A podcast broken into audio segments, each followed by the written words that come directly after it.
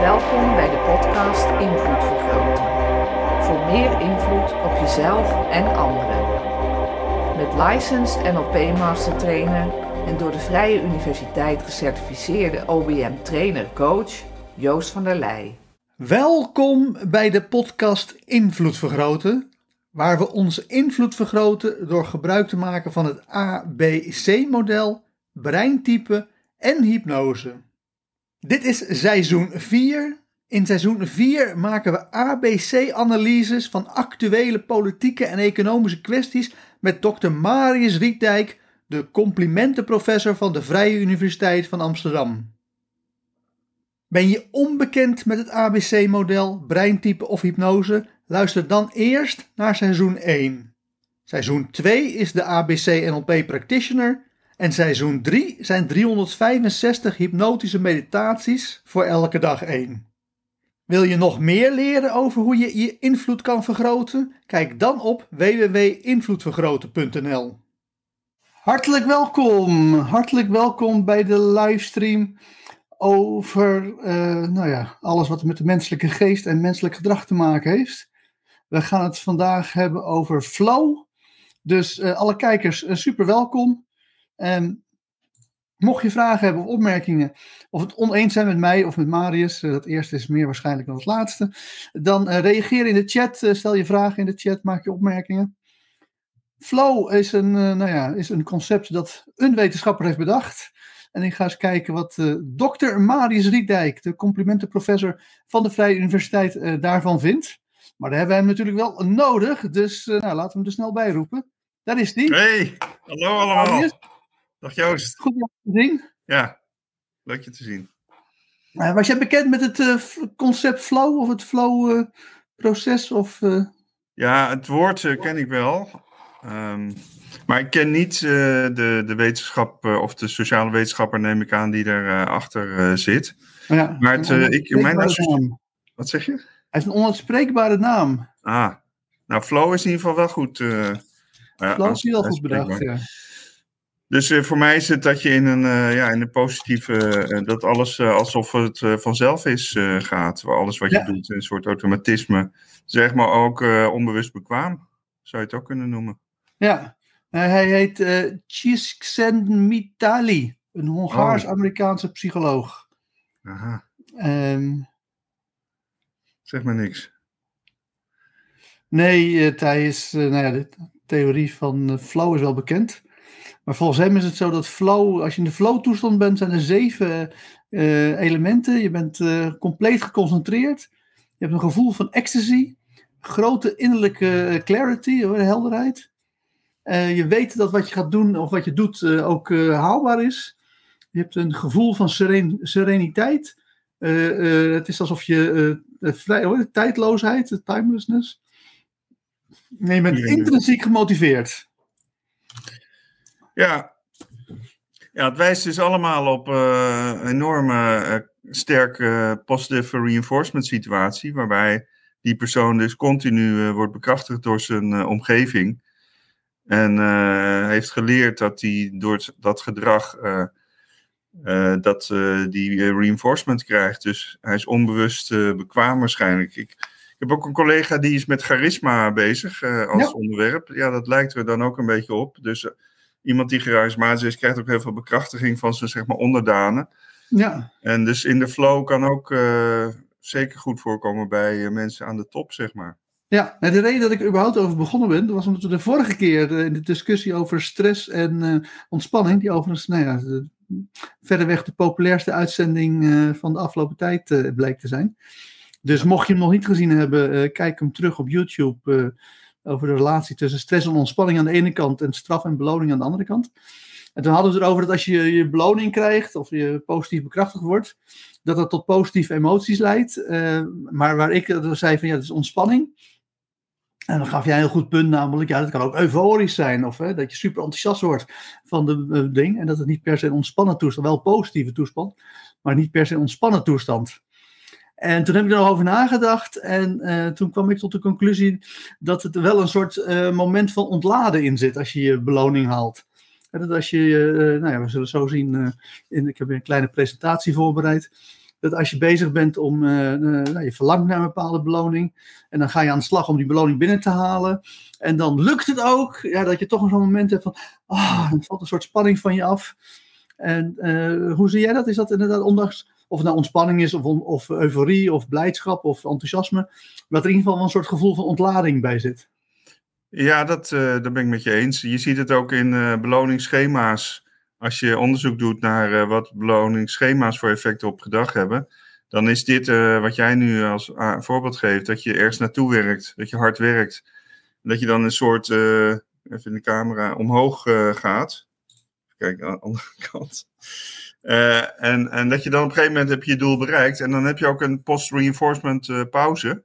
Mm -hmm. Dat je even gaat genieten van je resultaten. En daarom pleit ik ook bij bedrijven voor om ook echt doelen behalen te gaan vieren. Ja. Even de tijd voor elkaar te nemen, elkaar te, sociaal ook te bekrachtigen. en, en dat is wel echt iets voor mensen die grote projecten doen. Kijk. Uh, en als je het over flow hebt, uh, geloof ik dat je veel meer continu ook bekrachtigd wordt. dat het, ja, als ja, ik, zal hem de, ik zal hem erbij toveren. Ik zal je ook wat groter maken en bovenaan zetten. Kijk. Um, Kijk, dus de traditionele flow-cyclus is, uh, is als volgt. Mm. Je, wil, je probeert iets te bereiken, dus je gaat een gedrag doen, maar het is gewoon moeilijk, ingewikkeld. Inderdaad, ook heel bewust ben je bezig. Het lukt ook niet, het faalt. Dus het is een soort struggle. En dan op een gegeven moment heb je zoiets van, nou, dat, is dan, dat is dan de eerste fase. En de tweede fase heb je zoiets van, nou fuck it, ik geef het op. Het gaat toch niet lukken. En dan is het als ware alsof je onbewust ondertussen wel uh, verder ermee gaat en bedenkt hoe het dan wel moet. En op een gegeven moment krijg je, dat is dan de flow-fase, waarbij je dan denkt van, hé, hey, uh, ik, maar ik, uh, ja, volgens mij als ik gewoon op, uh, op, deze manier doe, of X, Y, Z doe, ja, dan zou het toch moeten lukken. En dan, ja, dan krijg je die zeven toestanden waarbij je heel erg opeens er helemaal in zit en dan denk je van, oh, het alles loopt lekker en zo, het gaat allemaal automatisch en vanzelf. Alleen dan is het volgens de flow-theorie dat je wel door die flow te veel energie uitgeeft of te, te veel energie besteedt. En dat je daarna een, een periode hebt van. nou, oh, shit, nou, we hebben het gehaald. Maar nou, het heeft wel wat gekost, zeg. Poep, poep, moet even weer bijkomen. Moet je en dan begint het weer opnieuw. Ja, ja dus ik, er zijn natuurlijk heel veel begrippen die uh, duiden op, uh, op positieve bekrachtiging. En dat mensen ook uh, zeg maar een stap extra doen. Dus, niet meer, dus die, dat noemen ze dan ook intrinsiek gemotiveerd zijn.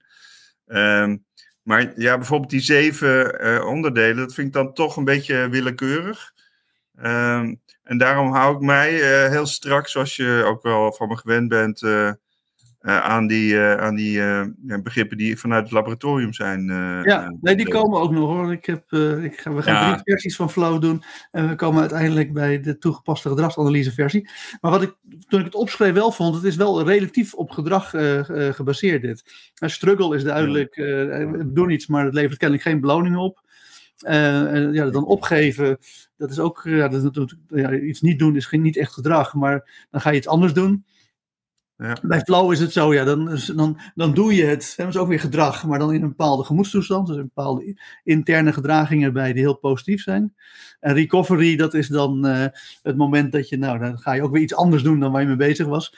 Maar dan ga je ook. Uh, maar ik vind het al redelijk, uh, zeker ja, voor die vier vind ik ook inderdaad zeer gedragsgericht, inderdaad. Ja. ja. Uh, dus daarom dacht ik, nou, dat, zit toch wel mooi in ons straatje. Um, ja. En, maar ik heb zelf een andere versie, heb ik niet zelf bedacht. Ik moet, ik moet eventjes weer uh, even ChatGPT raadplegen om te bedenken hoe die man echt heet. Ik ken alleen zo'n pseudoniem. Mm. maar we zien het ook bij mensen in een, die diep in een hypnotische trance zijn. Hè? Die, die voelen zich ook heel ontspannen en hebben hun ogen dicht en denken en kunnen bijvoorbeeld deze vlog weer beter volgen als ze hun ogen dicht bij wijze van spreken hebben. Mm -hmm. zeker als ze het op de, alleen geluid horen, uiteraard. Um, en dan kom je ook in een soort ontspannen toestand terecht, waarbij uh, alles heel gemakkelijk uh, gaat. Ja. En daar ben jij ook heel goed in om mensen in die trance te brengen, ja. zowel formeel als via taal alleen. Ja, en dan de, de, de, de is ook een goede manier om dat daadwerkelijk voor elkaar te krijgen bij een ander ja. en bij jezelf. Maar de flow mensen die ik dan spreek, toevallig een van de mensen die ik opgeleid heb, die is erg druk met flow. Ja, die beweert wel dat het inderdaad niet een hypnotische trance is. Je kan inderdaad ook mensen in trance brengen, in hypnose. En dan kunnen ze ook allerlei dingen. Maar er is een uh, wetenschapper, uh, die heet Alan Ronald Miller. Die is uh, heel onbekend door. Die heeft misschien nog vijf artikelen geschreven ooit in de jaren zestig. Tot vanavond is hij heel onbekend. Ja, tot vanavond. Nu wordt hij heel bekend. hij is veel bekender onder zijn pseudoniem Christopher Hyatt. Heeft hij allemaal magie dingen gedaan. Dat, maar het was allemaal onwetenschappelijk, dus dan deed hij dat onder een pseudoniem. Maar hij heeft wel heel veel met ratten gewerkt, want hij was namelijk gewoon een behavior analyst, analyst in Amerika. En hij heeft op basis van zijn studie van ratten, heeft hij ditzelfde soort uh, vier stappen plan gemaakt. En dan is het wel een beetje spiritueel, uh, meditatie, magieachtig. En dan is het, het, wordt het het volgende. En dat heb ik van hem uh, eh, 100% gestolen.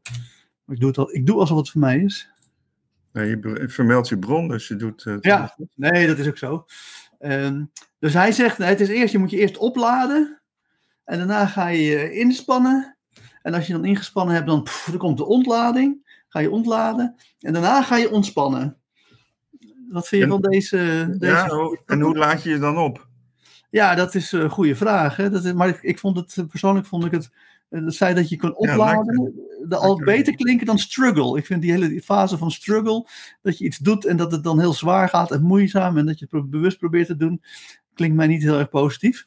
Maar, uh, ja, de, ik, maar ik laat mezelf bijvoorbeeld wel, bijvoorbeeld dit gesprek laat ik me altijd uh, van tevoren echt voorop. En dat doe ik bijvoorbeeld door even iets anders te gaan doen. Uh, een videospelletje te spelen, even wat nieuwsberichtjes te kijken, naar de beurs te kijken, een glaasje cola te drinken, dan krijg ik een mm. cafeïne erbij. Ja. Dat zijn allemaal activiteiten, een soort ritueel, uh, die ik gebruik om nou, energie te krijgen, het enthousiasme te krijgen. Zodat, uh, nou ja, ongeacht, ik heb toevallig een goede dag vandaag. Hoewel, er waren vandaag wel een hoop uh, klanten met gezeur. dus ja, dat kan ook. Um, dus ja. nou, het ging de afgelopen weken, zeker de afgelopen maanden, erg goed. En dan krijg je altijd weer een keer een moment dat er toch weer mensen zeggen: ja, maar dit is dus en zo. Dus dat was vandaag een beetje zo. Maar ja, het is alsof het nieuwe jaar ook weer uh, toch weer meer optimisme geeft. Ik krijg ook allerlei uh, vragen ook van bedrijven om ze intern te be, met OBM weer uh, projecten Heel mooi, ja. Dus, ja. Nou ja, ja, ik, ja de, de, Duitse economie ziet er nog slecht uit. China is in het instorten. De Amerikaanse hmm. economie, daar houdt ook iedereen zijn hart vast. Dat is niet meer, lijkt het in Nederland op het ogenblik best goed te gaan. Dat ben ik helemaal met je eens. Um, ja. Maar ja, dat is dus allemaal uh, manieren. Maar het is vooral gericht op je eigen innerlijke gedrag. Hoe voel je je? Voel je ontspannen? Voel je relaxed? Voel je enthousiasme? Heb je er zin in? Uh, dat soort dingen. Um, dus dat is voor mij is dat ja. is je opladen. Ja, je kunt natuurlijk allerlei antecedenten, hè, technisch gesproken weer. Hè, alles wat aan het gedrag vooraf gaat, kun je ook managen in je omgeving. Ja. Uh, bijvoorbeeld ook ja, toch wel redelijk dieet nemen. Niet te veel uh, verdovende middelen zeg maar, gebruiken. En dat zorgt ook voor een stabiele geest. Ja. Dus dat zijn een aantal voorbeelden. En als je dan ook nog beseft dat wat je doet, of dat ook echt nuttig is voor andere mensen. En of ze het een beetje leuk brengt natuurlijk. Vandaar ook uh, goochelen en muziek erbij uh, gedaan. ja, dan maakt het dat mensen het veel eerder ook overnemen. Ja, maar vind je opladen, uh, zoals ik net beschreven heb, uh, al uh, het, in termen van toegepaste gedragsanalyse al specifiek genoeg? Nee, dat vind ik dan niet specifiek genoeg, maar jij gaf een aantal voorbeelden van hoe je dat doet en dat is wel specifiek. Dus als je cola drinkt, dan heb je in ieder geval op korte termijn dat je even wat extra energie krijgt en suikers. Precies, ja, het is cola light, dus... Ah, oké. ja. Alleen cafeïne. Alleen cafeïne. Maar dat is, voor mij is dat al, uh, omdat ik dat helemaal niet nauwelijks gewend ben om dat te drinken. Als ik dan even echt het even moet, dan, uh, dan heeft het ook een extra effect. Ja, ja nee, is mij oké. Ik gebruik zelden cafeïne, maar, maar, speciaal voor dit soort dingen. Maar, uh, maar je, afleiden met een nou ja, videospellen, muziek maken. Ik heb ook nog vandaag de nieuwe techno-geluidjes of de, muziekjes voor morgenavond al mee bezig geweest om die te selecteren. dus dat zijn inderdaad allerlei ontspannende activiteiten die gebruik ik om op te laden. Nou, ik gebruik ook inderdaad heel veel diverse activiteiten doe ik. Dus ik heb vandaag en gisteren heb ik het boek Amsterdam in 50 eh, boeken uh, gelezen van Geert Mak en anderen. Oké, okay. is één ja. boek waar dan 50 boeken in terugkomen. Ja, 50 uh, bekende ja, en onbekende boeken vanaf de middeleeuwen tot nu. Dus wat, ik, wat we in de Nederlandse les ooit gehad hebben, Betje Wolf, Aagje Deken. Ik weet niet of je dat wat zegt, maar dat zijn schrijvers van ook ja, en Amsterdam is dan toch wel echt uh, uniek. En dan heb je bij Rotterdam natuurlijk helemaal niet, denk ik. Oh, oh eh. ik, ik, heb net uh, bij gemeente Rotterdam een klus gedaan afgelopen woensdag. Oké, dan ga jij Rotterdam verdedigen. Maar ik heb nog even gekeken naar grote schrijvers uit Rotterdam. En die zijn er wel, de, vooral Erasmus, die, is, mm -hmm. die springt eruit. Bijvoorbeeld. Maar ja, Amsterdam is natuurlijk wel echt een republiek. En ook, ook het hele wilde nachtleven wordt al in de 16e eeuw beschreven. Ja. Ja, dat is voor mij dan wel eventjes een afleiding. En, en dan ja, ben ik ook weer fris met andere dingen. Oké, okay, dus je, dat, dat is wel een activiteit waarbij jij zegt, daarmee kan je jezelf opladen. Ja, ja, ik weet niet hoe dat dan werkt. Dat je dan inderdaad ook weer ja, fris met, met een ander domein, zoals vanavond weer, aan de slag bent. Ja. Maar als je het heel groot bekijkt, hè, dan zie je dat mensen natuurlijk ook met enige regelmaat als een heel jaar werken vakantie nodig hebben. Ja. En dat lijkt me ook typisch ook een vorm van je opladen. Klopt, ja. En ik doe dat dan, nou ja, dat is al een beetje bekend met, met in de klooster te gaan zitten. Ja. Ze dus zijn allemaal, iedereen heeft zijn eigen manier om, en misschien ook wel voor de luisteraar en kijker is goed om eventjes stil te staan bij wat, wat hun manier is, wat jouw manier is om, om dat te doen. Ja. En het is sympathisch, parasympathisch zenuwstelsel ook, hè? Ja. Dus het sympathische zenuwstelsel is heel actief. En je hebt ook een zenuwstelsel wat zich juist met dat herstel bezighoudt. En daar komen we vaak uh, niet aan toe. En uh, ja, maar aan, aan de andere kant, als we zo druk zijn, hebben we ook weer behoefte om, om juist de rust te nemen. Ja, ik snap dat laat je op te, te algemeen is. Hè? Je hebt de WAAS-criteria. Ja. gedrag is geen waarde, algemeenheden, attitudes of statussen. En laat je op is uh, te algemeen, maar aan de andere kant ja, ja. we hebben we gezien dat, heel, dat mensen het op hele diverse wijze zich opladen. Dus, um... Maar ik ben nu ook, en jij, net als jij, met elektronische muziek bezig. En dan is er ook weer die elektronica en dat la, geladenheid. Is ook weer toch wel een mooi begrip wat er uit die elektronica komt en in het dagelijks taalgebruik is geslopen. Ja. En bijvoorbeeld ook positieve en negatieve spanningen. Je hebt dan ook dat in muziekinstrumenten, maar ook in je hoofd.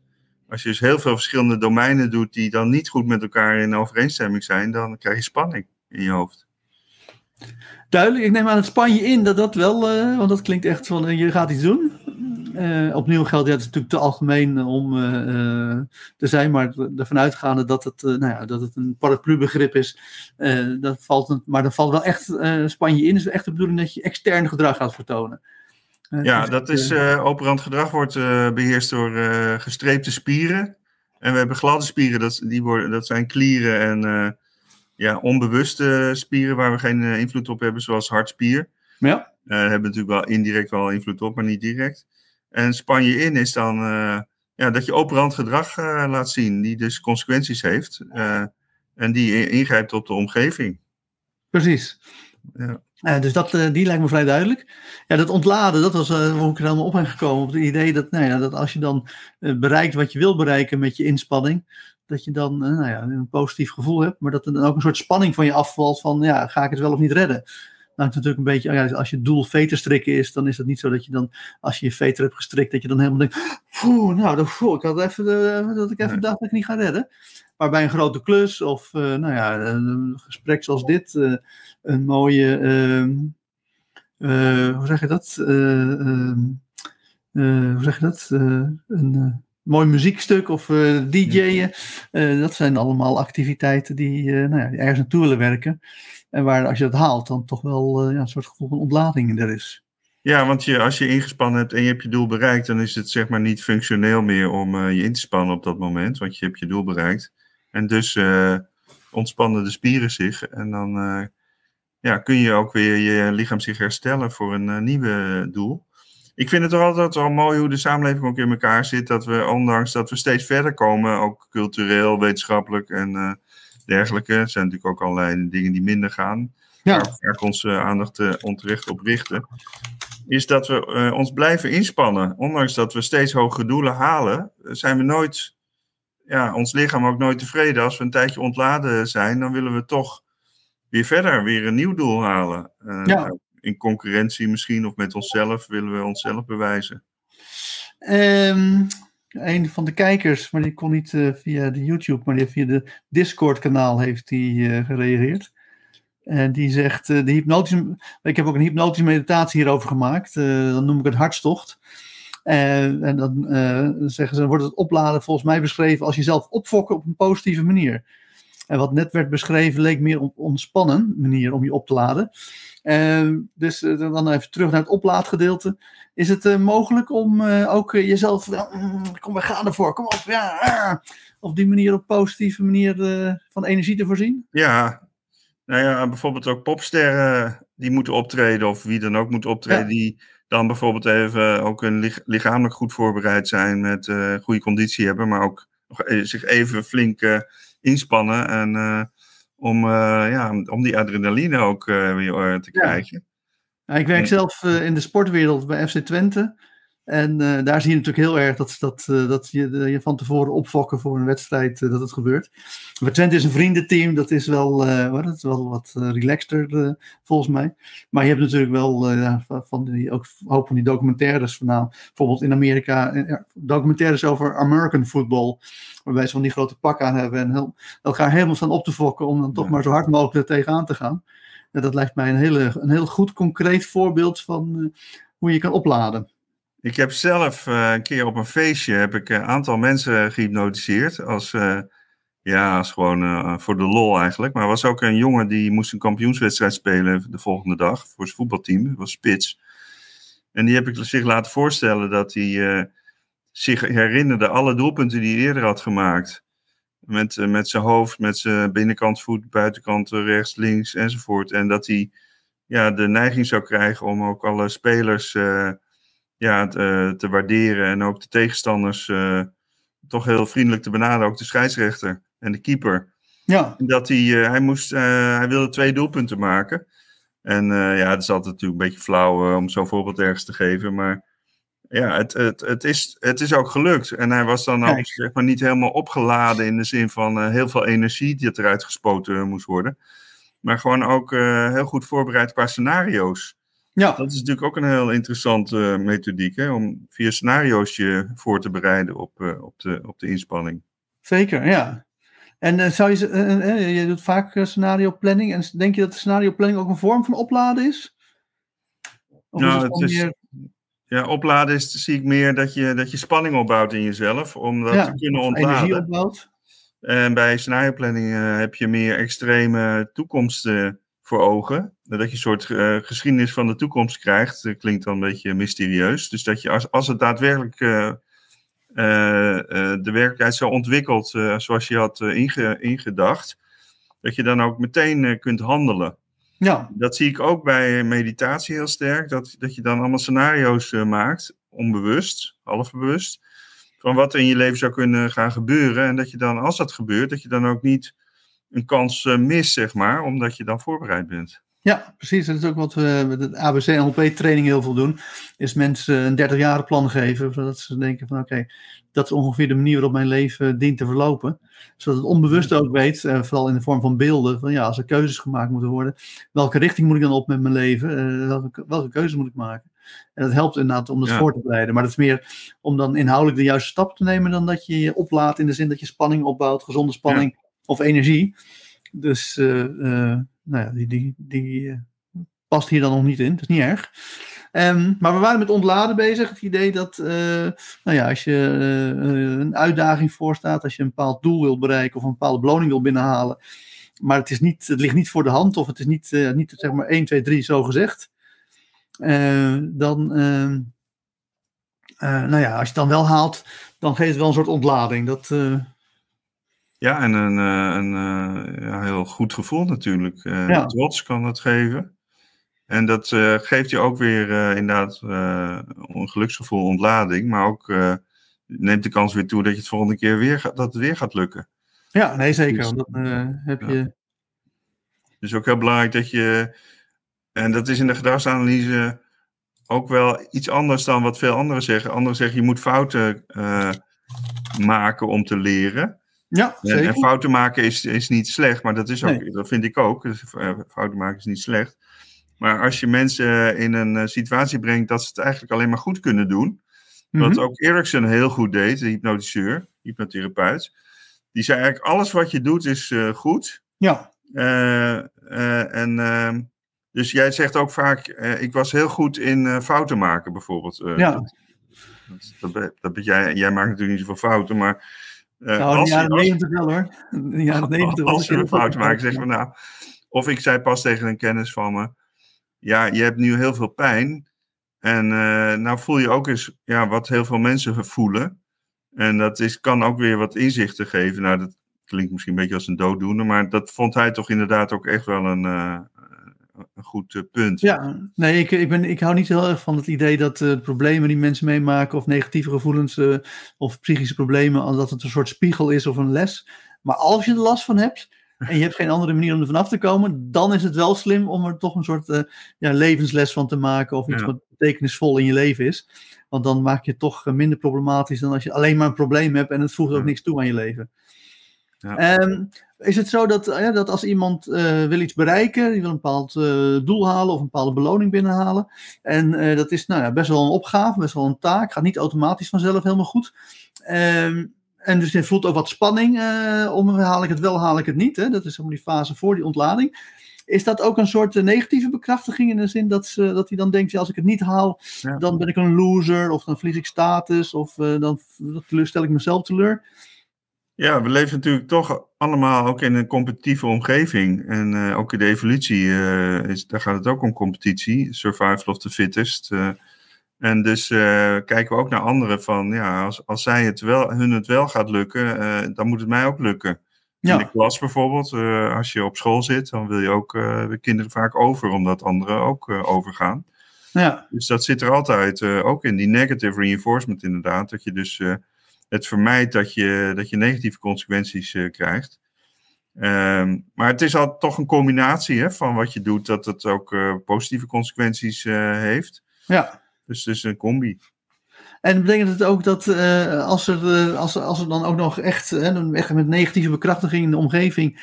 Uh, ik er nu gewoon te denken hoor, hard op te denken. Uh, bijvoorbeeld nou, op school de, de leraar. De je bent aan het praten, toch? Ben je hard op aan het denken? Tegelijkertijd, ja.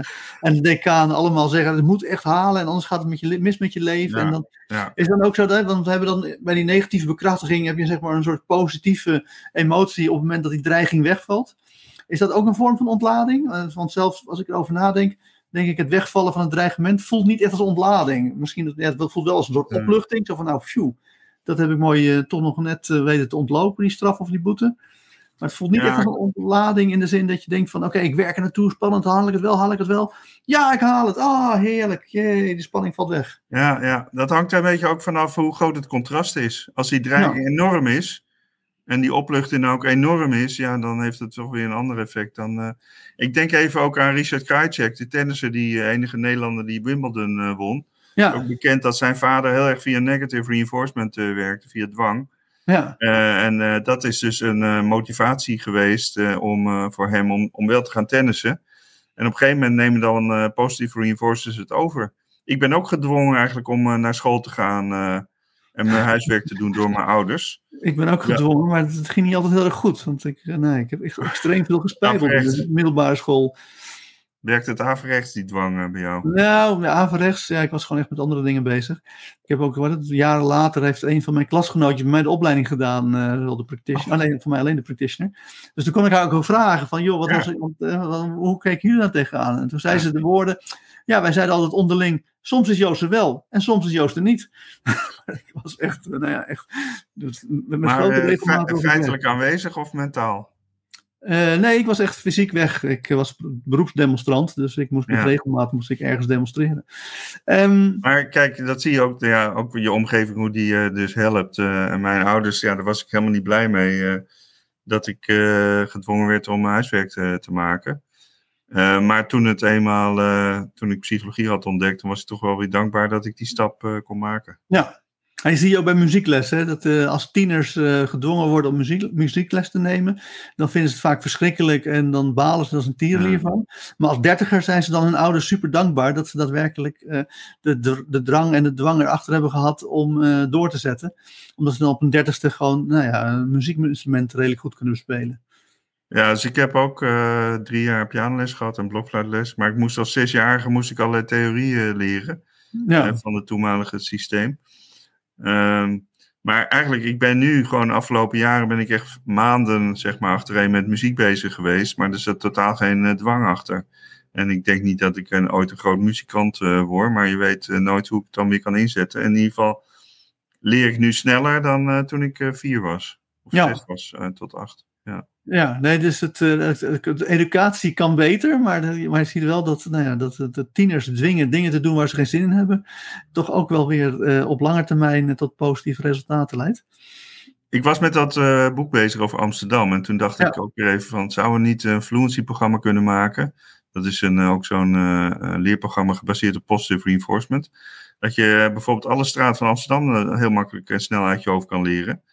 Door uh, beel een beelden te zien en de straatnaam erbij. Of, ja. of bij jou in jouw dorp of in Rotterdam. Ik denk dat mijn dorp uit je hoofd leren, gegeven dat er maar 5000 mensen wonen, een stuk makkelijker gaat dan alle ja. straten van Amsterdam. Maar wel met zo'n leerprogramma. En misschien dat artificiële intelligentie dat wel kan op een gegeven moment. Dat je en misschien dat jij dat uh, iets van uh, weet. Ja, we hebben vandaag toevallig de stukken voor het nieuwe AI-bedrijf naar de notaris gestuurd.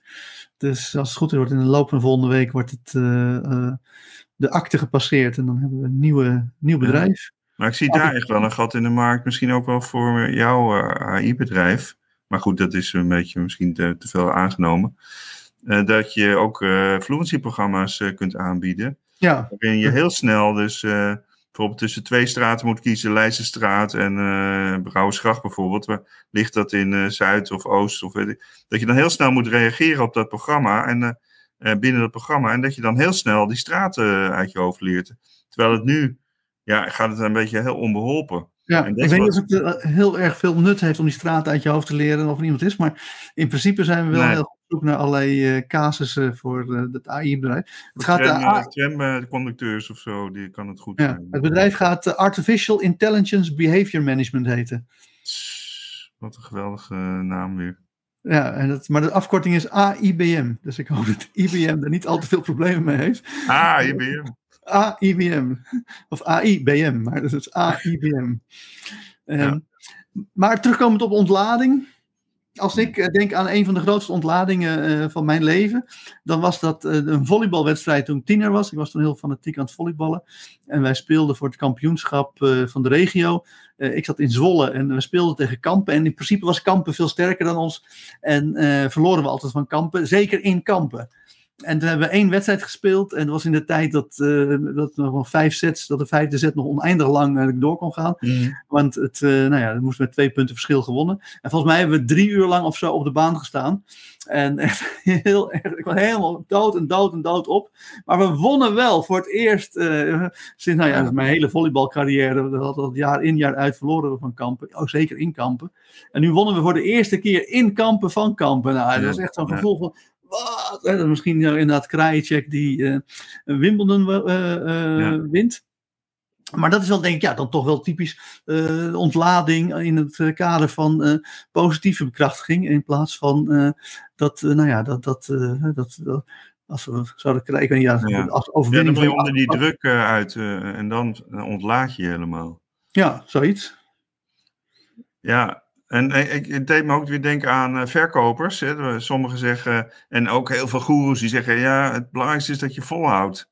Ja. En uh, dat hangt natuurlijk heel erg af van het beloningsschema wat, wat, wat je bent tegengekomen in je leven. goede verkopers hebben meestal in het begin wel uh, succes al, zodat ze het ook wat tegenslagen kunnen overwinnen. Ja. En dat kun je dus helemaal trainen, dat je in het begin, en dat is dus ook wat je als leidinggevende en collega's heel goed moet begrijpen dat je uh, in het begin, als mensen iets nieuws leren, dat je dan ook uh, veel positief bekrachtigt. En daarna kun je het wat uh, verdunnen. Ja. Klinkt heel technisch allemaal, maar zo gaat het wel als, als je op, als een natuurkundige zeg maar, naar gedrag van mensen kijkt.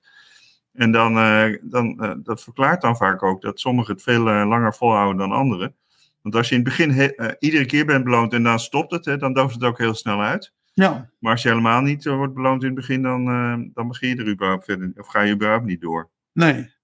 Nee, dus dat uh, is absoluut heel belangrijk. Van hebben de gemeente Rotterdam uh, uitgelegd uh, hoe ze dat moeten doen. Die hadden een ah. team waarvan ze vonden dat ze niet genoeg in actie kwamen als er, als er iets gevraagd werd uit de markt.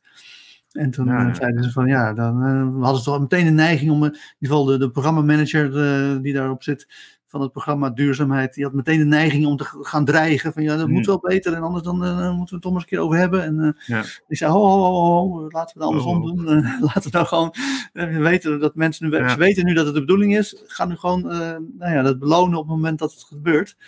In plaats van meteen al van tevoren te, te dreigen met straf. Maar het is fijn dat die gedragsanalyse nu eindelijk uh, ook echt uh, doorbreekt in Nederland. En dat uh, allerlei bedrijven kunnen profiteren van die kennis. Ja. Die ook voor techneuten en ja, technische bedrijven ook heel begrijpelijk zijn. En dat wolligen veel al van psychologen. Ik, ik, zeg maar even, ben even aan het plagen mijn collega's.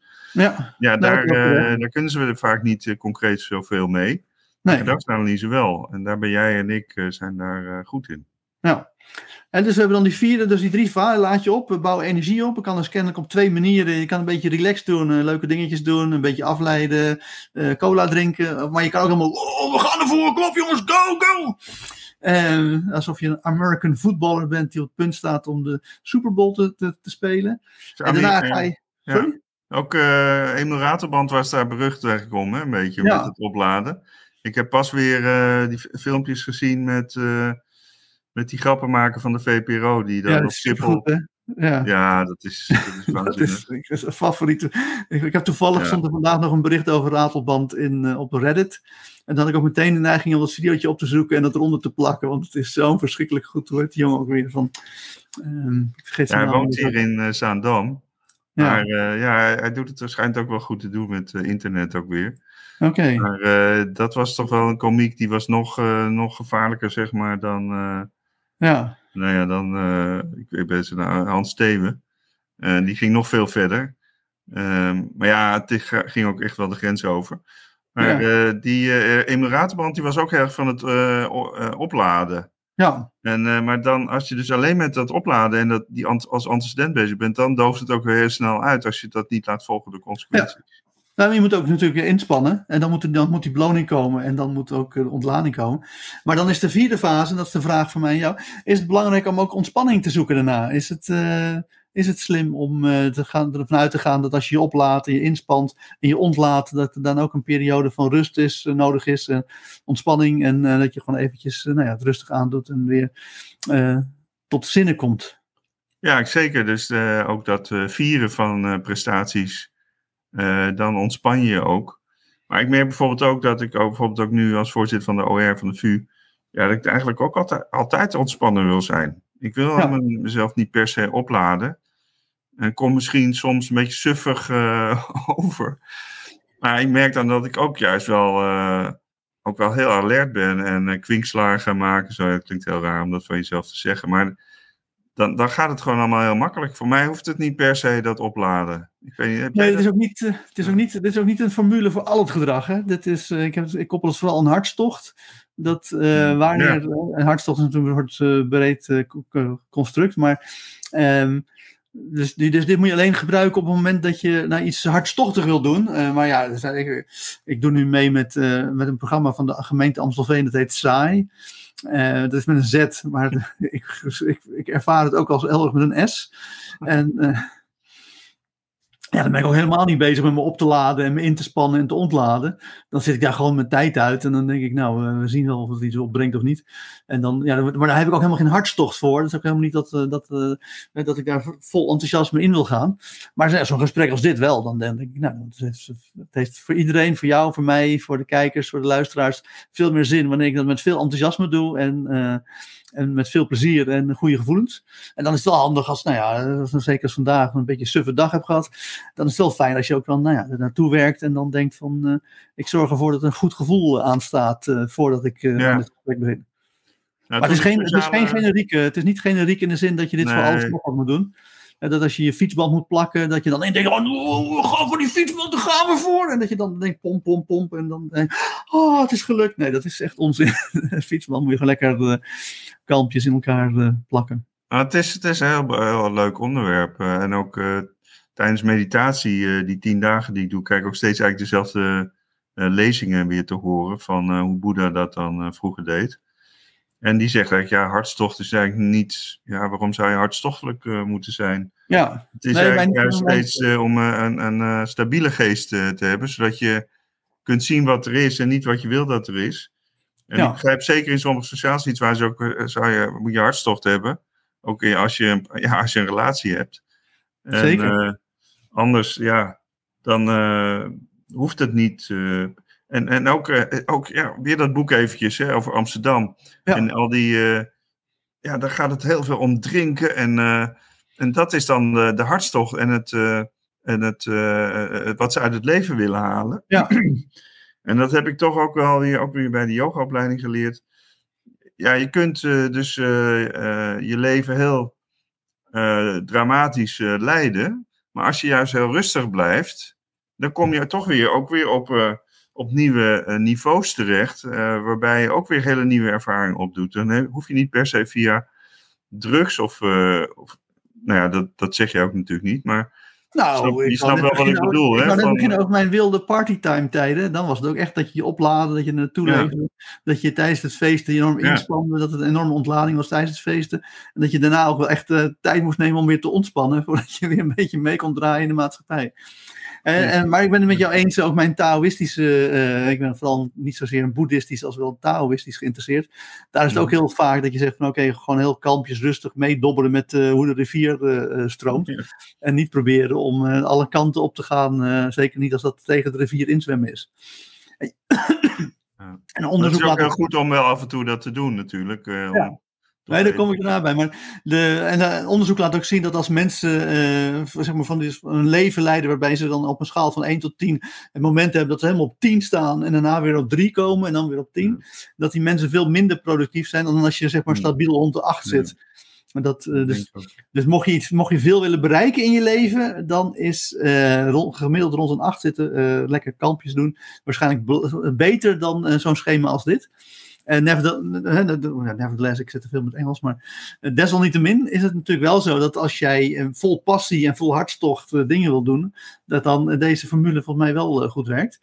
Maar mijn vraag aan jou is, is dat, dat stel dat je dit, dus nogmaals, het is niet geen algemeen recept voor alles, mm. maar stel dat je dit dus voor een aantal dingen doet, je opladen, je inspannen en je ontladen.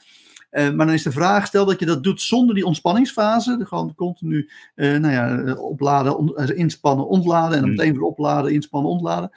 Uh, de claim van, de, van, de, nou ja, van die Alan Ronald Miller is, is dat dat heel ongezond is. En voor mij is dat ook een beetje het verhaal van, van flow, hè, wat we hiervoor deden. Dat als jij uh, de hele tijd struggle, release, flow doet, struggle, release, flow, zonder die recover fase, dat dat ook heel ongezond is.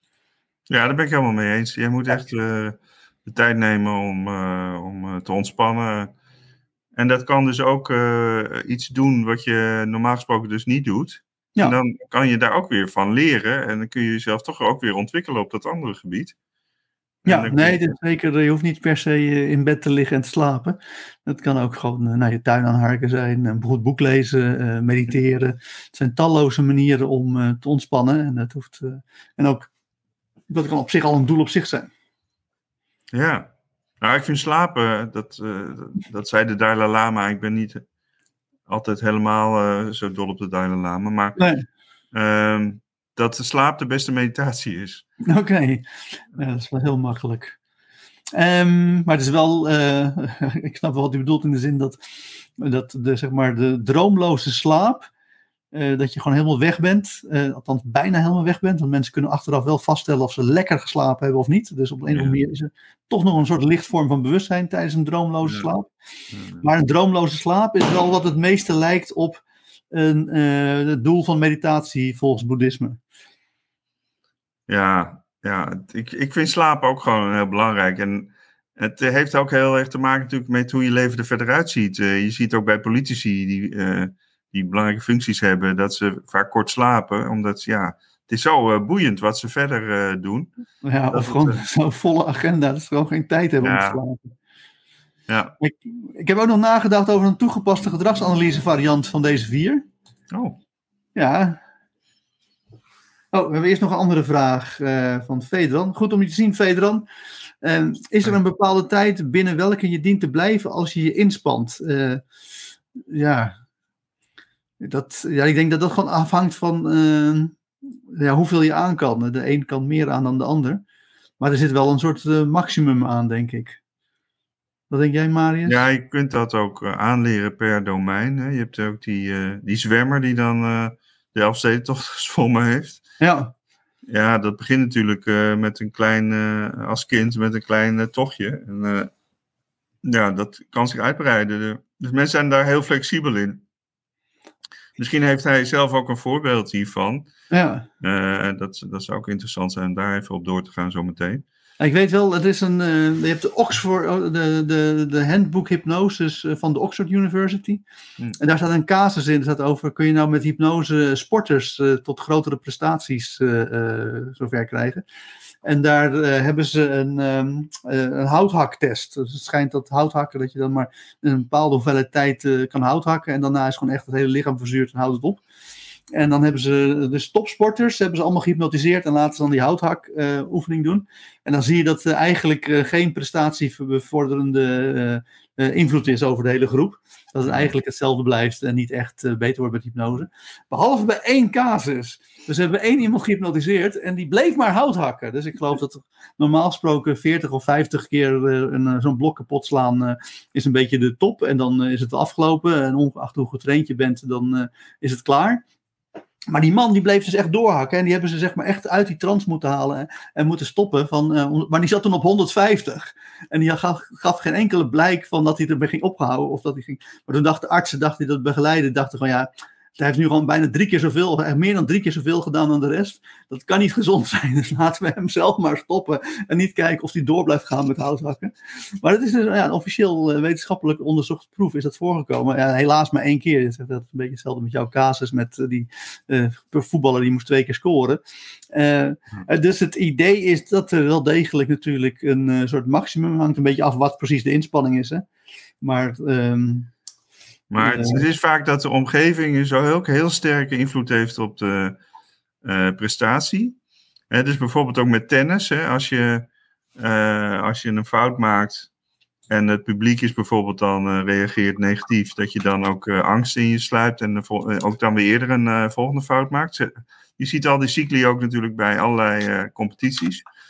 Als het eenmaal in de positieve flow zit, zeg maar, ook weer in dit thema te blijven, gaat het, blijft het goed gaan. En dan en dan was Eriksen ook, die had bijvoorbeeld een kogelstoter, die, die leerde om echt in het moment te blijven. Dus ook niet dan terug te kijken naar de vorige uh, prestatie, maar ook bij ja. tennissers. Dat je dan uh, ja, het eigenlijk helemaal vergeet. En dan bood hij ze een sigaret aan. Dat was toen de tijd, uh, rookten mensen nog. Ja. ja en dan zei hij, je zult merken dat je, dat je vergeet dat je die sigaret hebt aangenomen. Die laat je direct weer vallen. En ik bied je dan weer een sigaret aan en dan doe je alsof het de, weer een totaal nieuwe sigaret is. En zo ging hij door en, en zo leerde hij die uh, speler om helemaal uh, het uh, directe verleden te vergeten. En dus zei hij, pas als het publiek juicht, dan ben je klaar. Ja. En, en dat is, ja, dan wordt, het, wordt die persoon niet beheerst door het publiek, alleen op het laatst. Maar door, uh, door die regel van je gaat alleen maar uh, stoppen als het, uh, zodra het, het doel gehaald is. Ja, nee, en ik weet hoe ja, toevallig voor orkeststuk spelen, daarvoor geldt dat je natuurlijk langere stukken hebt. En dus een van, nou, ik ben een groot fan van Shostakovich en die heeft een, een symfonie van 90 minuten waarin geen enkel melodielijn herhaald wordt. En toeval was dat Mario Zee in de tram zat bij een van de violisten die er moest spelen van het uh, orkestgebouw. Dus die vroeg ook van, uh, hoe is dat nou ten opzichte van andere stukken? En dan zei ze, ja, dit is echt heel erg veel meer werk en, uh, en, en, echt heel zwaar om te doen. Omdat je gewoon ja, zo, alleen maar variaties, of niet eens variaties ja. op het thema, alleen maar nieuwe dingen moet doen. Ja. En dat, maar dat kan dus wel. Maar ja, er zit ook een, een maximum aan. Ik weet dat er zo'n pianostuk voor twee piano's is, wat uren duurt en zo. En alleen maar, maar er zijn wel meer variaties op één thema. Maar, dan, uh, maar er zit wel uh, een paar uur, uh, dan heb je wel denk ik een beetje het maximum bereikt. Dat is ook de vraag van Wim. Wim, hoi Wim, goed dat je er bent. Die zegt, hoe lang kan je in een flow toestand blijven? Heb ik even aan ChatGPT gevraagd. Dat hangt van allerlei factoren af natuurlijk. Maar voor ChatGPT hooguit enkele uren. Dus er komt ongeveer op dezelfde tijdsinspannen in. Dus ik denk dat je moet kijken dat, nou ja, als je dit ziet, laat je op. Hè. Dus als je dit ziet als een dag waar je acht uur geslapen hebt en dan word je wakker, dan ga je opladen, dan ga je een dag werken. En aan het eind van de dag ontlaat je van, hé, de dag zit erop, ik ben lekker weer thuis, ik ga lekker voor de tv hangen, ga lekker ontspannen en weer slapen. Dus ik denk dat, uh, ja, dat je dit niet uh, over langer dan 24 uur dit proces kan doen. En dat het hooguit nou ja, het proces van één dag is. En dan alleen maar de wakkere uren, dus uh, 16 van de 24 uur, als je 8 uur slaapt. Maar dat je wel dat proces ziet, s ochtends laat je je op. Oh, we moeten weer aan de slag. Nou, hup. Dan ben je de hele dag hard aan het werk. En dan s'avonds kom je thuis, ont ontlaat je. Dan ga je lekker eten, tv kijken, wat, wat je ook doet. En uiteindelijk ga je nog een beetje ontspannen en dan ga je weer slapen. Dus uh, inspanning hooguit een paar uur, uh, of uh, flow hooguit een paar uur. De inspanning kan misschien 8, 9, 10, misschien zelfs 12 uur per dag zijn. Maar we gingen hier naar kijken, naar de versie voor de toegepaste gedragsanalyse. Want daar nou ja, hoop ik, ik heb de ontlading erbij staan, dat is de positieve emotie. Uh, maar dan begint het, uh, het opladen of de struggle, is dan vooral het verlangen naar de beloning. En dat is heel interessant, omdat als je kijkt naar hoe het brein werkt, dan heb je dopamine, wat heel erg gekoppeld zit aan ons beloningssysteem in ons brein. En je hebt twee, twee dopamine-systemen die door elkaar heen verweven zijn, maar die echt los van elkaar staan. En er is eentje die is heel goed in het verlangen naar belonen, en het andere is heel erg goed in het genieten van beloningen. En ik zie dat wel in dat, dit schema, dat je het begint met verlangen. Je hebt het nog niet, maar je wil het wel. En dan denk je, oh, en dat is toch een soort opladen, dat je denkt, ik wil het, ik wil het, ik wil het. En dan kom je in actie, dan ga je het doen. En nou, dan moet dingen doen om dat, die beloning binnen te halen. Dan heb je de beloning binnengehaald. Dan krijg je positieve emotie, intern gedrag. Jee, ik ben blij. En de spanning valt weg. En daarna kan je ook echt gaan genieten van die beloning. En vanuitgaande, nou ja, zeker als dat uh, nou ja, eten is uh, of seks. Uh, ja, geld valt een beetje moeilijk van te genieten, maar misschien dat er mensen handen wringen. Denken, wat het dan Dagobert Duck die dan in zijn eigen geldpakhuis ja, gaat. Ja, ja. Er zijn heel veel kapitalisten die genieten alleen al van het geld wat ze hebben. Ja. Ik ben daar zelf, behoor daar ook best wel toe. Dat ik gewoon, uh, ja, net als de beurs volgen, ook weer in dat boek staat ook dat, ja, dat in Amsterdam heb je ook gewoon een soort klasse die alleen maar uh, zijn geld zit te tellen. Ja. En dan uh, zijn ze helemaal ge geobsedeerd door alleen het geld zelf, waar ze dan van genieten. En, ja, en als ik het zo vertaal, uh, hoe, hoe, goed klopt dit dan met toegepaste gedragsanalyse? Of is dit een fantasie van mij die het gewoon te veel ja, naartoe schrijft? Het, uh, het, verlangen is moeilijk te observeren. Hè, maar je kunt dus wel observeren dat iemand in het verleden beloond is. En dat hij dan waarschijnlijk uh, ook weer zal, het gedrag zal vertonen om weer een nieuwe beloning te vinden. Dus ja. verlangen zou ik dan meer vertalen in het gedrag naar die beloning toe. Ja, maar dat, is, dat doet de actie. Maar, de, ja. maar de persoon kan toch rapporteren over zijn verlangen. Hij kan toch ja. zeggen, ik heb er zin in, ik wil het. Uh, Zeker. Oh, uh, volgende week is het zover. Nou, dan gaan we er tegenaan, want oh, ik kan niet wachten. Ja, ja dat kan zeker. Het is verbale gedrag en ja, wat iemand zegt en, en denkt. Dus inderdaad, en, en ook observeren van anderen. Hè? Als die anderen beloond worden. De functie van films en überhaupt ja, mensen observeren is ja. ook van ja, wat kan ik leren en hoe, hoe komt die persoon toch aan zijn beloningen of haar beloningen? Dat Precies. wil ik ook wel. En dan kun je zo'n verlangen krijgen. Dus verlangen is, kan je wel vertalen naar ook deprivatie, hè? Zeker, dus, ja. Nee, ja, als, je, ja. als je verzadigd bent, dan is er geen verlangen. Precies, dus je, en daar zijn bijvoorbeeld cafés natuurlijk heel goed in. En alcohol is natuurlijk ook een heel goed uh, middel om weer naar, en alle verslavingen, om weer te verlangen naar de volgende shot of drankje. Ja. Dat is nu commercieel ook heel slim om, om op die manier geld te verdienen.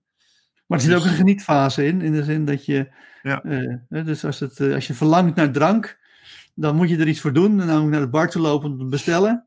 Dan is het heel druk, dus dan duurt het een tijd voordat je aan de beurt bent. Maar dan krijg je eindelijk je biertje en dan is er ja. ontlading. Dus maakt het extra goed. En dan, ja, precies, en dan ga je ervan genieten. Maar op een gegeven moment, ja, dan houdt het uh, de, de lol van het biertje wat je hebt, het bier is op. En dan ja. uh, krijg je weer een nieuw verlangen en nog een biertje. Ja. Maar die lichamelijke krijg je dus ook nog extra deprivatie uh, door bepaalde middelen. Mhm. Mm -hmm. dat, dat, je dus een terugslag krijgt die sterker is dan voordat je er überhaupt aan begon. En dan gaat het ook van positive reinforcement naar negative reinforcement. Dus dat je dan ook echt moet, dat spul moet hebben om, al, om, om op een normaal niveau te kunnen blijven functioneren. Ja, maar dat zijn ontwenningsverschijnselen. Ja, precies. Ja. En ik, En- eh, ik hoorde ook wel eens iemand zeggen van, ja, ik ben naar eh, eh, Disney Parijs geweest en ik betaalde 8 euro voor een biertje. En die zei toen, ja, toen- dat smaakt ook extra lekker. Ja, zeker. Ja. Dus Federan heeft nog een vraag. Of eh, volgens mij wordt het meestal met flow alleen de fase 2 bedoeld. En is het juist de vraag wat het verschil is tussen wanneer wel in flow en waar niet in zijn, flow zijn de fase. Eh, ik denk dat dat, eh, als ik. ik heb een aantal, nou ja, één student van mezelf en die het, een workshop erover geeft waar ik bij ben geweest. Maar ook ChatGPT die dat zegt. Dus flow wordt heel erg gezien als de derde fase, Federan. Dus de struggle fase, je wil iets bereiken en in het begin ben je heel bewust mee bezig en dan probeer je het, wil je het heel graag, ook heel bewust. Maar dan gaat het moeizaam, gaat het ingewikkeld, snap je nog niet helemaal. En dan is het idee dat de tweede fase is dat je het even opgeeft, dat je denkt, nou, nou laat maar, dat ik, hè, dat ik, eh, termen van eh, toegepaste gedragsanalyse. En er is te weinig beloning, krijg te weinig positieve bekrachtigers, ik hou ermee op. Maar het idee is dan dat terwijl jij ermee bewust mee ophoudt, dat je dan ook ehm, dat je onbewust ondertussen wel doorgaat van ja, hoe kan ik dan toch op een andere manier dit nog voor elkaar bereiken. En dat je dan op een gegeven moment vanuit je onbewuste dan eh, een soort signaaltje krijgt en denkt van, nou ja, probeer het nog, nog een keertje. Maar dan op een iets andere manier. En dan doe je dat. En dan blijkt het allemaal te kloppen en te werken. En dan, en dan, nou, dan krijg je natuurlijk al die positieve bekrachtigaars, waardoor je gewoon heel erg goed gevoel krijgt. En dan ga je als een gek te, te, te, tekeer en denk je, oh, nu werkt het, nu werkt het, fantastisch. Yeah, dit is gaaf. En dan eh, besteed je in principe te veel energie, waardoor je daarna weer die recover fase nodig hebt. En dat je dan denkt, oh, pff, nou, ik heb wel eventjes wel even over mijn grenzen heen gegaan. Eh, ik, oh, oké, ik dacht dat net Ja, alle... want dat is, hier staat flow, staat weer onder de definitie van flow. Ja, oké, ja, sorry, dat is mijn fout. Maar Ja, ja, dat is een goed punt. Het is, alleen de derde fase is de flow fase. Die andere drie zijn zeg maar ja, noodzakelijke Ja. fases om flow mogelijk te maken. Ehm, dan is er ook nog van eh, Mr. Magic Bullet. Leuk dat je er bent. ja, leuk Ook eh, al die naar reacties. een, een resultaat in plaats van een beloning, toch? Eh, ja, absoluut. Eh, alleen als je naar een bepaald resultaat verlangt, dan is de kans groot dat of het resultaat je ook een beloning geeft, of, dat de of het resultaat is de beloning. Hoe zie jij dat, eh, Marius? Ja, dus je hebt verschillende, eh, hoe noem je dat, niveaus van conditionering. Dus je kunt, eh, biologische beloningen, die hebben we allemaal nodig. E- eten, drinken, eh, seks hebben we niet allemaal per se nodig. Maar in ieder geval eten en drinken hebben we nodig. En dan eh, doe je daar moeite voor. En je verdient geld voor klussen op je werk enzovoort. Om weer te kunnen overleven met bijvoorbeeld die biologische beloning. En dan is het geld en het werken krijgt, zeg maar, second order conditioning noemen we dat. Dus prim, eh, eerste orde conditioneren is eh, dat je gemotiveerd wordt door die basisbeloningen. Sommigen zeggen basisbehoeften, maar dus ook ik kan je dat vertalen concreter naar basisbeloningen. Eh, en, en dan krijg je op een gegeven moment eh, alles wat er omheen geassocieerd wordt, krijg je ook een, een, eh, een, eh, belonende aspect, een, belonende eh, lading.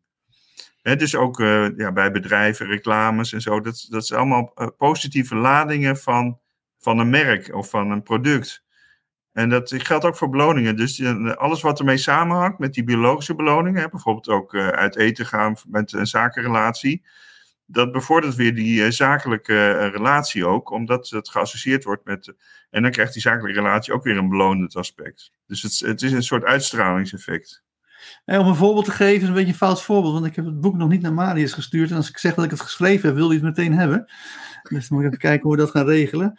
Maar ik heb eh, voor een opleiding die ik gaf in één week, een, eh, ja, niet in mijn eentje, maar samen met ChatGPT, een boek geschreven over cold reading. En daar zie je Marius wat heel enthousiast worden. Ja. En, en, en dat is dus een bepaald resultaat. Hè. Dat boek wilde ik heel graag hebben. En op zich is dat is gewoon een tekst. Dus die tekst, eh, die zelf is die niet heel erg eh, belonend. In de zin dat ik kan hem niet opeten. Ehm, en het is ook nog eens een keer zo dat het niet een boek was wat ik heel graag wilde schrijven. Maar eigenlijk meer moest schrijven omwille van de eh, opleiding. Sterker nog, in de inleiding zeg ik ook, het is eigenlijk een boek wat ik helemaal niet wil schrijven. Omdat ik niet deze trucs aan andere mensen wil verklappen. Ehm, Zwarte magie. Nou, het is gewoon cold readen, dus eh, het is heel wetenschappelijk. Maar, de, maar dat is wel een resultaat. Alleen, ja, waarom doe ik het dan toch? Ja, ik doe het ook omdat dan de mensen in de opleiding zich eh, extra beloond voelen. Want dan krijgen ze niet alleen de opleiding, maar ook nog eens een keer een boek erbij wat allemaal onderbouwt. Dat, maar dat betekent ook weer dat er meer mensen die opleiding gaan volgen, waardoor ik gewoon letterlijk geld krijg. En bovendien uh, ja, krijg ik heel veel waardering van de deelnemers van die uh, opleiding. Omdat ze dat boek dan in handen krijgen. Het is 50.000 woorden. Dat is best een flink boek voor één week schrijven. dus. Oh. Dus die mensen die geven mij allemaal weer uh, een goed gevoel en waardering en status. En dus op die manier zie je dat uh, je wel, eh, wel degelijk een verschil is soms tussen resultaat en beloning. Soms ook niet. Hè. Soms als je bijvoorbeeld puur kijkt naar. Uh, en we willen een miljoen, een miljoen euro omzetten met de onderneming dit jaar. Dat is het resultaat waar we proberen te halen. Maar ja, een miljoen euro is ook een beloning. Dus in die zin zijn ze dan hetzelfde. Maar als het voorbeeld met het boek, dat is typisch een voorbeeld waarbij het wel degelijk een verschil is tussen resultaat en beloning. Maar gegeven dat ik uh, dat resultaat graag wil halen, dat er eigenlijk altijd ook direct of indirect uh, andere beloningen aan gekoppeld zitten. Op de manier waarop Marius vertelde, door middel van uh, associaties. Ja, en, en ook, we noemen het ook wel performance management OBM. Daniels in Amerika noemt het performance management. OBM is ook eigenlijk de wetenschappelijke term voor toegepaste gedragsanalyse in organisaties. En uh, daar uh, maken we ook een onderscheid tussen gedrag en resultaat. En, en daarna komt de beloning. Dus uh, het gedrag is nodig om een resultaat te halen. En je kunt het gedrag ook versterken door zowel ofwel op resultaten belonen, ofwel bijvoorbeeld op, op het, alleen het gedrag te belonen. Dus dat, dat is ook weer verschillend. Uh, en als je daar meer van wil weten, doe dan een opleiding bij Joost of uh, een coaching bij mij bijvoorbeeld. Uh, ja. Maar ik kan er wel iets over vertellen dat dat. bijvoorbeeld als, de als het resultaat heel ver weg is, dan zul je echt ook tussentijdse gedragsdoelen moeten stellen en, en dat ook belonen. Ja, en je moet oppassen dat als je alleen het resultaat beloont, dat je niet onethisch of illegaal gedrag in de hand werkt. Iets wat ik nog letterlijk tijdens de saaie manifestatie van de week in Amstelveen zei, omdat zij, uh, uh, nou ja, ze gebruikten smart doelen en ik vroeg van, joh, maar voorkomt smart nu ook uh, illegaal of onethisch gedrag? En toen zeiden ze nee. ik zeg oké, okay, dus als, mijn, als ik als cocaïne dealer mijn smart doel, of mijn doelen gewoon heel smart formuleer, dan is er niks aan de hand. Toen zeiden ze allemaal, ja, ja dat vind ik prima. Toen dacht ik, oké. Okay. Oh. Okay. Dat is vrij vreemd. En dan is er nog een opmerking van Vedran. Uh, dan is het waarschijnlijk, uh, waarschijnlijk wat vaak wordt bedoeld met intrinsieke motivatie. Dat mensen niet moeten willen streven naar die secundaire beloning. Dat vind ik een beetje een technische vraag. Die gooi ik op het bordje van de Marius. Ja, intrinsieke motivatie is dat mensen eigenlijk niet meer zo afhankelijk lijken van beloningen dat ze er vanuit zichzelf uh, iets uh, willen. En ja, maar dat is inderdaad wel heel slim. Dat die. Uh, dat eigenlijk die secundaire beloning dat toch hebben dan overgenomen. Kijk, dan, dat het werk zelf wordt dan heel leuk. Als je, als je allemaal leuke mensen steeds bij je om je heen hebt. En je krijgt ook nog goed voor betaald. En nog allerlei andere dingen eh, mogelijk. Dan krijgt het werk zelf zo'n positief gevoel dat dat, en dat is dan natuurlijk een afgeleide uh, conditionering, een, een, afgeleide beloning. Dus uh, dat noemen we dan inderdaad intrinsieke motivatie. Ik weet niet of je dat bedoelt uh, precies, maar... Ja. ja, zelf heb ik altijd het idee bij intrinsieke motivatie, dat is gewoon motivatie waar men de conditioneringsgeschiedenis vergeten is. Ja, of, ja inderdaad, daar totaal niet van bewust is. Ja. En de meeste mensen die weten weinig van conditioneringstheorie. Dus die, die zeggen dat dan, ja. Dus als je, als je gewoon geen oog hebt voor alle beloningen die iemand in het verleden heeft gehad. En je ziet dat iemand zo lekker bezig is en lekker uit zichzelf uh, starter is. En, en gewoon, uh, het hoeft niet aangestuurd te worden. Doet gewoon zelf alle leuke andere dingen. Dan lijkt het alsof ze intrinsiek gemotiveerd zijn. Maar uh, ja, zodra je dan de conditioneringsgeschiedenis, de geschiedenis van alle beloningen die die persoon heeft gehad, erbij haalt. Dan is het eigenlijk altijd zo dat. Um, nou ja, dat, dat dan opeens heel begrijpelijk is waarom die dat gedrag vertoont. Ja, dus helemaal niks magisch aan. Nee. Ook uh, kunstenaars, ja, dan zeggen we, goh, wat, uh, wat een fantastische intrinsieke motivatie. Creativiteit, dat is dan niet geconditioneerd. Ja, ook, want uh, het begint op de kleuterschool met wat krastekeningen. En als de juf dan zegt, goh, wat kun je mooi krassen. En zo'n jongetje of meisje, die wordt dan helemaal, gaat dan helemaal gloeien van trots ja, dan gaat hij daarmee door. En sommigen die redden het dan tot kunstenaar. Het is niet allemaal uh, aangeleerd gedrag natuurlijk. Ook, uh, ook door, door erfelijke factoren zullen ook een rol spelen. Maar zeker ook die conditionering is een belangrijk aspect, in ieder geval bij het leren. Ja, dat is het enige intrinsieke aspect wat ik natuurlijk uh, met mijn breintype theorie heb. Is dat zo iemand als Marius, ja, die heeft wel in zich zitten, uh, genetisch gezien, dat hij gewoon het extra fijn vindt als het met een groep mensen waar hij samen mee werkt goed gaat. En dat, dat, snap je dat? En dat is niet omdat dat ooit geconditioneerd is geweest, maar wel geeft dat aan dat hij vanaf jongs af aan, elke keer als hij iets kon doen waardoor het met de groep goed ging, dat hij dan ook de omgeving weer opviel, dat hij daar extra gevoelig voor was. Waardoor ze dat ook weer extra vaak als uh, beloning zijn gaan gebruiken. Waardoor het nog steeds zo is dat het. Uh, uh, hoe zeg je dat? Nou ja, door, door de omgeving uh, daadwerkelijk uh, gegeven beloningen zijn. Uh, maar er zit wel een soort, in mijn visie, zeg maar een heel minuscuul klein genetische, biologische bron, die dat verstuurt, waardoor Marius meer richting sociale beloningen en materiële beloningen gaat. En ik me vooral focus op materiële beloningen. En nou ja, het leuk vind om ergens in een theorie te duiken en dat helemaal uit te spitten hoe het nou precies zit. Dus daar zitten wel kleine subtiele dingetjes in, maar het overgrote deel is nog steeds gewoon aangeleerd. het mooiste is als we dat op een gegeven moment in de genen terug kunnen vinden. Dan is het echt uh, bewezen. Ja. Het blijft altijd moeilijk om het te, eh, te ontrafelen. Ik heb het vaak over ook dat ik tussen mijn vader en mijn moeder in zit in wat ik doe. Dat is natuurlijk ook door voorbeeldfunctie. En uh, heel veel mensen zeggen, ja, het zit in de familie. En dan wordt er eigenlijk verondersteld dat het genetisch is. Maar het kan natuurlijk ook door observatie dan zijn. Maar je vindt breinscans niet goed genoeg? Ik vind... Uh... Ja, nee, zeker. ik vind maar nee, dat, ja, omdat ook het brein ook flexibel is. Zeker, dat ja. inderdaad niet, niet voldoende nog, nee. Oké, maar als we dan uh, autopsie doen, dus mijn claim is dat de aangeboren gedeelte in de hersenstam zit, omdat daar al een netwerk zit dat je het al hebt bij je geboorte en waar nog dat er geen tijd is geweest om van de omgeving te leren. Als we nou de hersenstams uh, van overleden mensen kunnen opensnijden en kunnen laten zien dat die netwerken allemaal precies correleren met hun breintypes, is het dan goed Ja, genoeg? en als dan ook echt bewezen is dat, brein, dat de hersenstam niet hoe noemen we dat, uh, flexibel is. Uh, dat heeft een naam, hè? De, ja, de plasticiteit. Plasticiteit. Als die niet plastisch is, plasticiteit ja. heeft, dan uh, ga ik helemaal mee. Oké, okay, nou dan zal ik dan eventjes dan goed meteen checken. Um, plastisch is de hersenstam. Ja. Want uit mijn hoofd, maar ik ga het even checken bij ChatGPT. how much neuroplasticity is there in the subcortical areas of the brain? Interessante vraag. Uh.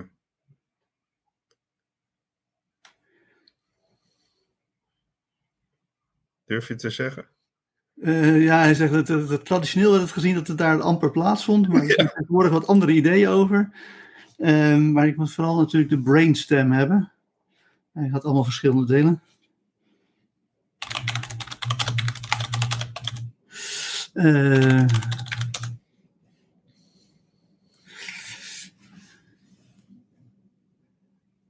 ja, er is aanzienlijk minder neuroplasticiteit in de breinstam dan uh, elders. Maar er is toch wel wat plasticiteit. Het probleem ook is, is, hoe kan je bewijzen dat het er wel is of dat het niet is? Ja. Nee, daar, daarvoor zit ik ook niet diep genoeg in, dat onderzoek. Nou ja, kijk, de manier om het te bewijzen is dat je het op een of andere manier moet kunnen scannen op het moment dat iemand geboren wordt. Maar als iemand geboren wordt ja. uh, en je kan het scannen, is de kans vrij groot dat je een overleden baby hebt. Dus die gaan dan niet heel veel neuroplasticiteit hebben. En nou ja, misschien dat in onderzoek het mogelijk maakt om ook pasgeborenen in uh, hersenen te scannen. Jawel, dat kan al, maar het probleem is dat de MRI-scanners alleen de buitenkant scannen en niet uh, diep in het brein. Dus de breinstem zelf kan nog niet met functional oh. MRI-scanners gescand worden. Okay. Die kun je alleen met autopsie uh, bekijken. Ja. En natuurlijk ook met dode, dode baby's. En dan kan je geen neuroplasticiteit meer vaststellen omdat ze geen leven hebben gehad. Nee. Of je doet bij mensen die het wel hebben gedaan. En dan is het heel erg moeilijk om uh, uh, vast te stellen of het wel of niet veranderd is. Maar het is in ieder geval binnen de neurowetenschap uh, het idee dat de neuroplasticiteit veel minder plaatsvindt in de hersenstam ja. dan elders. Ja, dat, dat verbaast me ook niet. Nee. nee. dat ligt ook heel voor de hand. Ja. Dank Marius. Uh, we zijn uh, weer op het einde van ons gesprek uh, gekomen. Um, ik heb volgende week heb ik een training. Dus dan ben ik Dan heb ik me al voor de training opgeladen en dan ben ik ontladen en dan eh, moet ik ontspannen. En dan kan ik om die reden geen, hoe heet het, geen stream doen. En hetzelfde geldt voor 2 februari. Maar 9 februari, en dan uh, heb ik weer alle energie en kan ik me helemaal opladen om weer deze inspanning te leveren. Dus wat mij betreft is de volgende aflevering 9 februari. Ik ben mijn telefoon even aan het uh, opstarten, dus ik uh, kom er later op terug. Maar ik neem aan dat het kan. Zonder tegenbericht uh, ben ik weer van de partij. Hartstikke mooi. Kijkers, super dank. Fijn weekend. luisteraars in de toekomst ook super dank. En mocht je erbij willen zijn, het is elke vrijdagavond om half acht op het YouTube-kanaal. En nou ja, tune in. Dat was niet elke vrijdag, maar met grote regelmaat op vrijdag. Tot, wat zei ik, 9 februari. Tot dan. Doeg! Doeg! Dank voor het beluisteren van de podcast Invloed Vergroten.